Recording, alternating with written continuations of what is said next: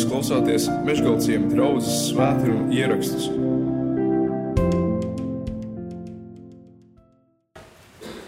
Šis nav tipisks, uh, tipiska rakstu vieta, par ko runāt Ziemassvētku vai Adventas laikā, protams. Uh, bet, uh, bet man ir tāda doma iesākt tādu nelielu sēriju no vairākām, no vairākām reizēm sastāvošu, uh, ko varētu kopēji nosaukumu iedot Dieva darba biedri.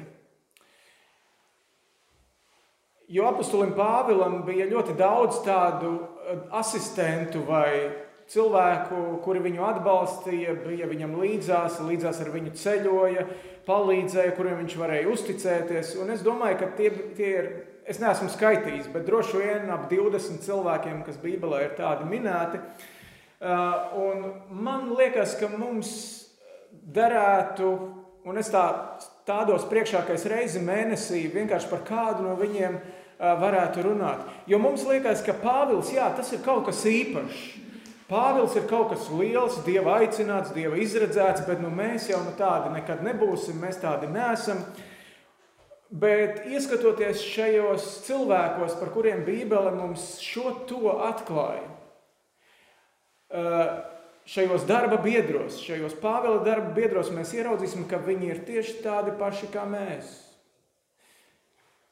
Un es ceru, ka šis, šī sērija mūs varētu iedrošināt, ka arī mēs, ka mums var būt kāda daļa Dieva valstībā, ka mēs varam būt Dieva eh, darba atbalstītāji, Dieva eh, darba biedri. Un šoreiz Es kā pirmos izvēlējos tiešām vienu ģimeni, vīrs un sieva, Akvila un Priskila. Jo, jo dažreiz um, nu arī man pašam kādreiz nāk prātā domas, ak, ja es būtu viens, piemēram, ja, vai tad man neviens netraucētu, vai ne, nebūtu sieva, nebūtu bērni, nebūtu tur tādas ikdienas rūpes, tad es varētu tā pa īstam kalpot, vai ne? Taču tomēr arī tad, ja mums ir ģimene, ja mēs esam pāris, ja mēs esam precēti cilvēki, tad arī tā ir iespēja svētīgi kalpot kopā. Kalpot kopā kā ģimenei.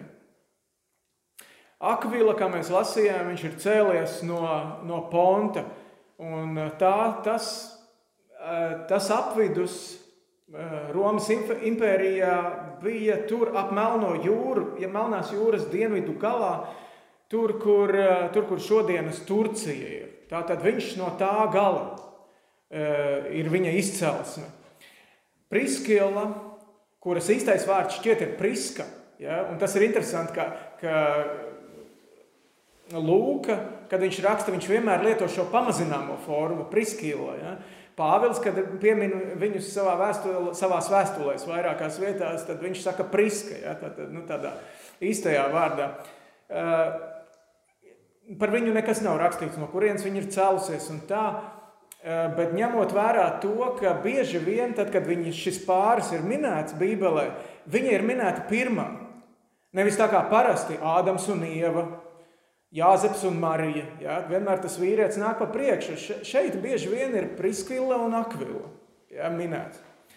Un, un tas kādiem ir licis domāt, ka nu, viņa varētu būt, ka viņa ir tāda augstdzimusi sieviete bijusi. Vai arī otrs variants, ka viņa ir eh, draudzē bijusi kaut kādā augstākā pozīcijā nekā viņas vīrs. Eh, to nezinām. Bet lai nu kā, eh, šis pāris, šī ģimene ar Pāvilu satiekās Korintā. Un Korinta jau savukārt ir Grieķijas teritorija. Un Korinta ir ostas pilsēta. Un, un tad, kad tā var palasīt par, par Korintas dzīvi, tad var saprast, ka tur ir viena liela nu, kā jau ostas pilsēta, vai ne? Viņa ir diezgan izvirtusi kā pilsēta. Tur ir, um, vienmēr sakot, ja kādu sievieti gribēja paziņot, pazemot, tad uh, varēja tikai pateikt, nu, tu dzīvo kā tāda korintiete. Ja? Tad tas arī visu izteica, kāda bija tā, tā, tā pilsēta. Pie kam, ja mēs lasām Pāvila vēstuli korintiešiem, ko viņš raksta vēlāk, viņš saka, Jums taču vajadzētu nu, matiem sacelties stāvus. Kas notiek jums, draudzē, iekšienē, draudzē? ka kāds tur dzīvo ar sava tēva sievu. Ja? Nu, varat iedomāties, ja, ja draudzē kaut kas tāds notika, tad kas, kas bija pilsētā? Un tad mēs varētu domāt, vai tiešām te šajā pilsētā kaut kas labs varēja arī satikt, eh, notikt. Un tomēr tieši šajā izvērtības perēklī, šajā Sodomā, eh, Dievs radīja draugu. Tieši ar eh, Akilu un, un Priskilu ja, un, un, un, un Pāvilu, kuri šeit, šajā pilsētā satiekās. Akvila un Priskila ir atstājuši Romu, kā mēs šeit lasījām. Un Tas varētu būt apmēram 49. gadā pēc Kristus. Imperators Klaudijs izdod savu pavēli, ediktu, um, ka visiem jūdiem ir jāatstāj šī pasaules centra pilsēta, Roma. Vēsturnieks Svitonijs uh, tur raksta uh, apmēram tā, tā kā jūdi nepārtraukti radīja nemieru krēstus dēļ Tad šis imperators Klaudijs tos izraidīja no Romas, un tad pētnieki ir domājuši, vai tas krēstus varētu būt bijis Kristus. Ja? Un ka tur, nu, bet, bet tas tur arī lielas skaidrības līdz šim nav. Bet kaut kādu šādu nemieru dēļ um, imperators saka, ka visi jūdi nu tad ejiet ārā. Un ļoti iespējams, ka Akvila un Priskila jau bija kristieši tajā brīdī, kad viņiem bija jāatstāj Roma. Tātad Korintā viņi ierodās kā bēgļi. Ierodās kā bēgļi, ar savu ticību un ar savu profesiju. Kā mēs lasījām, viņu profesija ir telšu taisītāji. Viņiem bija tāds biznesiņš. Un te ierodas Pāvils. Pāvils ierodas no Atēnām. Pāvils ierodas no Atēnām, kur viņš ir bijis viens pats un gaidījis savus ceļu biedrus, kur ir kavējušies. Un tur staigādams pa to tā laika filozofijas galvaspilsētu, viņš ir runājis arī lielu tādu sprediķu, ko arī var izlasīt apakstuļu darbu 17. nodaļā, kur viņš saka, jūs te pielūdzat vienu dievu, kuram es atradu templi, nezināmam dievam, to, ko jūs nezināt, to es sludinu, un viņš viņiem sludina par Jēzu. Un, nu, lielu panākumu tur nav, kaut gan Kaut gan ir arī kādi, kādas, kādi cilvēki, kas atgriežas Atenās. Uz Atenām savukārt viņš ir beidzis no Thessalonikas un no Berojas, kur viņš ir mētāts ar akmeņiem un, un pērts un, un, un dzīts ārā. Un, uh, un šeit viņš ierodas uh, Korintā vēl joprojām viens pats. Viņa ceļa biedrs Sīla un Timotejs kavējās. Un viņš ir viens, un viņam ir vajadzīga kaut kāda nu, iztikšana. Viņam ir vajadzīga iztikšana. Ik sabatu viņš ierodas sinagogā, lai, lai sludinātu labo vēstu par Jēzu, bet pārējās dienās, un šeit ir šis Akvila un, un Priskilas nopelns, pārējās dienās šī ģimene dod apustulim Pāvilam darbu. Tāpēc, ka izrādās, ka arī viņš prot šo pašu amatu, un viņi trietā strādā, šuj teltis un pārdod tās. Un tādā veidā viņi atbalsta, atbalsta šo, šo apakstuli Pāvilu. Un šis mūsu laika konteksts, kādu mēs skatāmies apkārt ar visiem šiem bēgļiem, un, un kuriem ir bijis jāatstāj savas, savas mājas, savi darbi, savi ienākumi, ja, un tagad svešā zemē jāuzturas, tad mēs varam, varam daudz labāk saprast arī to kontekstu, kādā bija nonācis Pāvils un cik nozīmīga bija šīs ģimenes palīdzība, kurā viņi varēja atbalstīt. Lai kaut reizi nedēļā šis cilvēks varētu doties un sludināt, eh, sludināt evaņģēlīju. Tas bija veids, viens no veidiem, kā viņi varēja būt dieva darba biedri. Bet tad, kad uh, Sīla un Timotejs ierodās tad tur tā var interesanti lasīt, ja, ka, ka atjaunojās Pāvila deksme un tas fokus uz evaņģēlijas sludināšanu. Viņš no tādas daļējas sludināšanas pāriet uz tādu pilnu slodzi. Tas, ka ierodās atbalstītāji, tas, ka ierodās palīgi, viņa draugi, tas Pāvilam nozīmē daudz. Tas viņu iedrošina arī šo lielo varenu apustuli.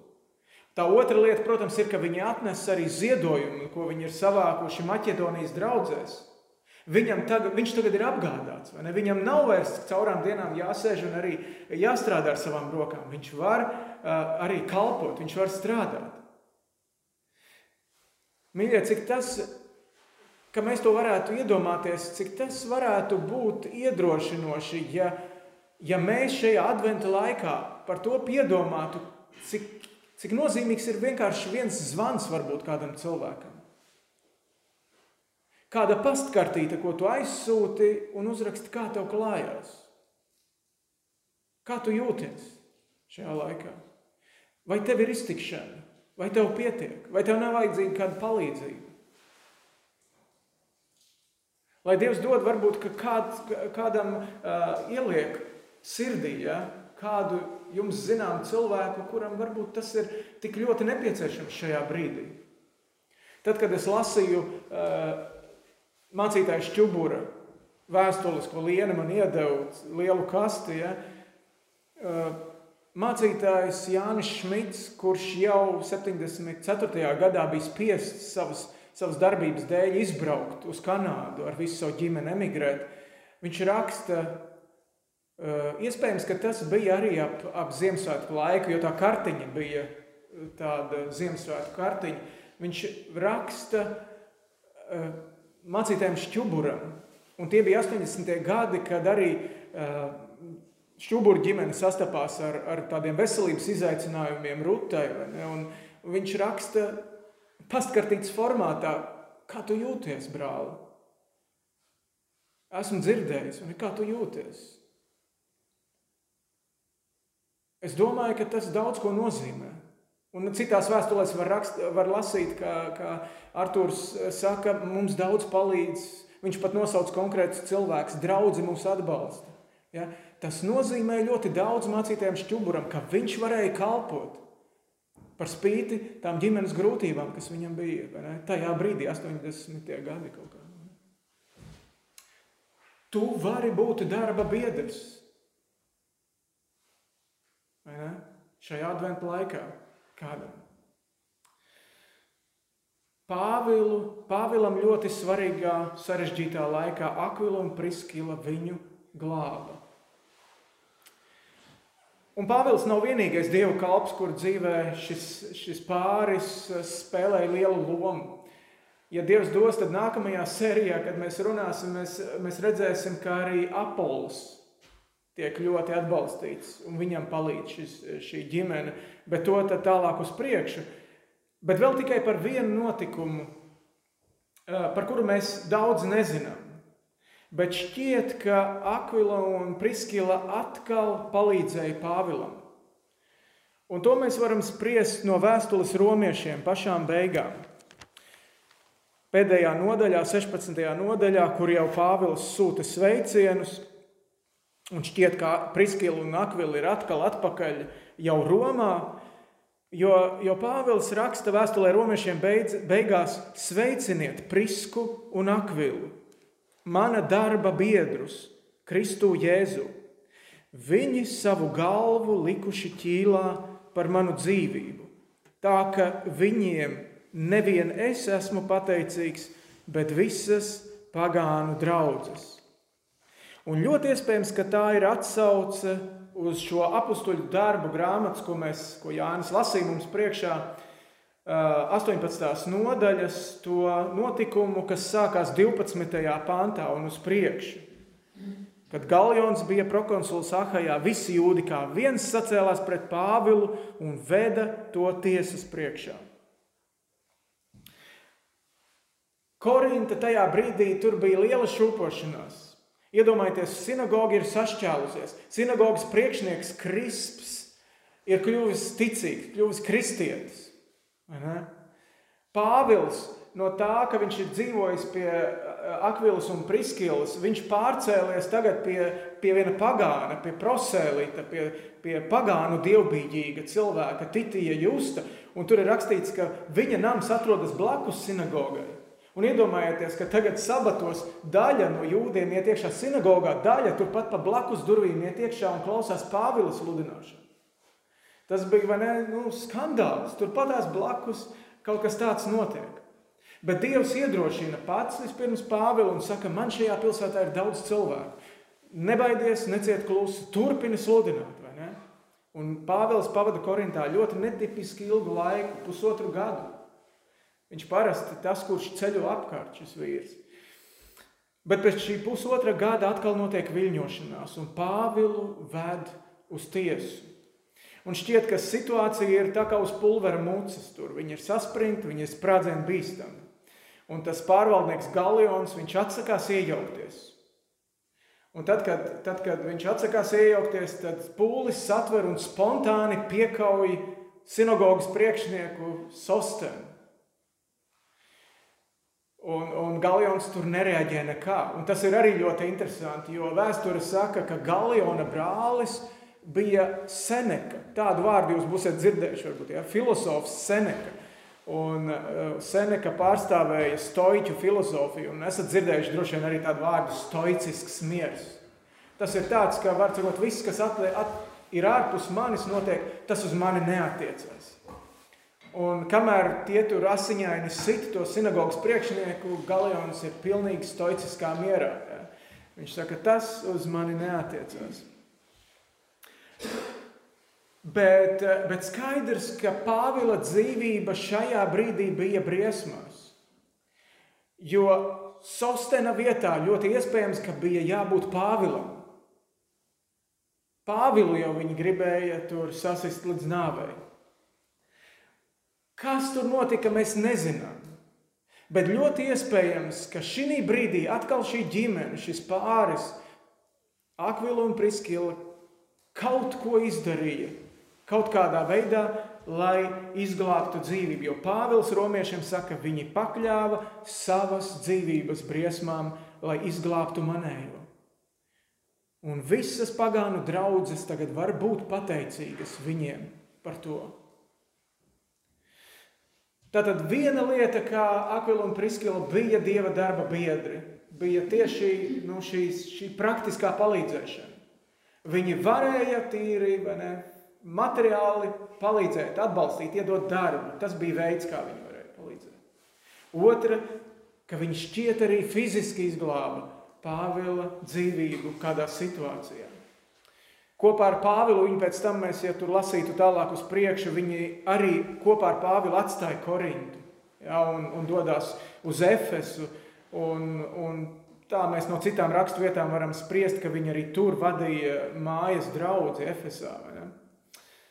Bet tā kā romiešu vēstulē ir sveicieni viņiem, tad, tad tas nozīmē, ka viņi ir atpakaļ jau atkal Romā. Un ļoti iespējams, tas arī vēl viens papildus eh, veids, kā mēs varam eh, svinēt to, ko, ko šie, šī ģimene ir izdarījusi.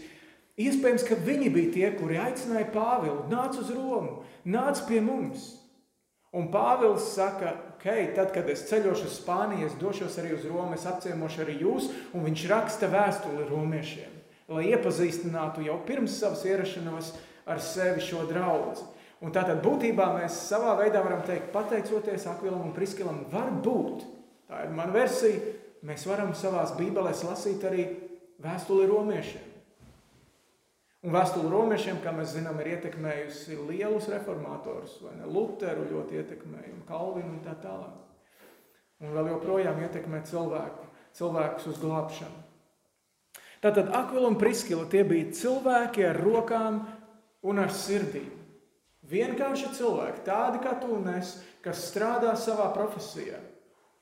Un tomēr lielais dižais apustulis Pāvils nebūtu tāds apustulis, kādu mēs viņu pazīstam, ja nebūtu šī ģimene. Mīļie, mums visiem ir gan sirdis, es ticu, gan rokas. Un mēs dažādā veidā arī varam būt darba biedri Dievam atbalstot kādu. Mēs drīz nāksim, kā draugi arī vakarēdienā. Un Jēzus bija cilvēks un Dievs, kurš nāca ar lielu mīlestības sirdi. Atvēra to mūsu priekšā. Bet viņš nebaidījās arī, ja mēs tā varētu teikt, atrotīt savas piedurknes un ielikt savas rokas šīs pasaules netīrumos, sasmērēt savas rokas, lai izglābtu mūsu. Ļoti interesanti Gliks tulko to pantiņu, ko, ko Pāvils eh, raksta romiešiem par Akvilu un Priskilu, ka viņi savu dzīvību uh, lika ķīlā, lai mani izglābtu. Gliks saka, tie par manu dzīvību ir nolikuši savu pašu kaklu. Iedomājieties, tas ir tā kā giljotīnā, ja? tā kā uz bluķa nolikt savu kaklu kāda cita vietā. Jēzus ne tikai bija gatavs, viņš arī deva savu kaklu par tevi un par mani. Viņš upurēja sevi, lai iestātos miers starp debesīm un zemi. Viņš upurēja sevi, lai iestātos miers starp dievu un cilvēkiem. Viņš upurēja sevi, lai iestātos miers starp cilvēkiem. Lūksim Dievu, un tad pēc brīža arī baudīsim šo piemiņas mīlestību. Lūksim!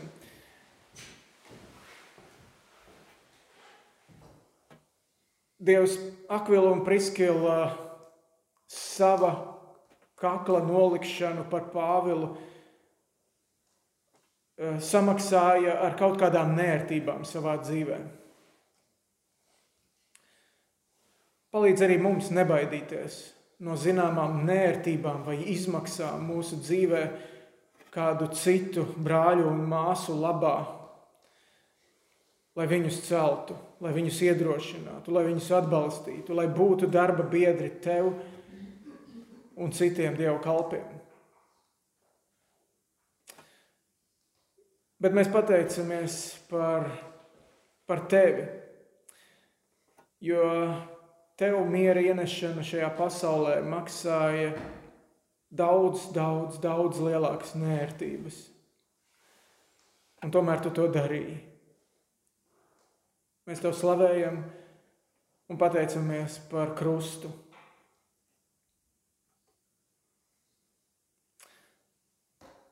Jēzus vārdā. Amen.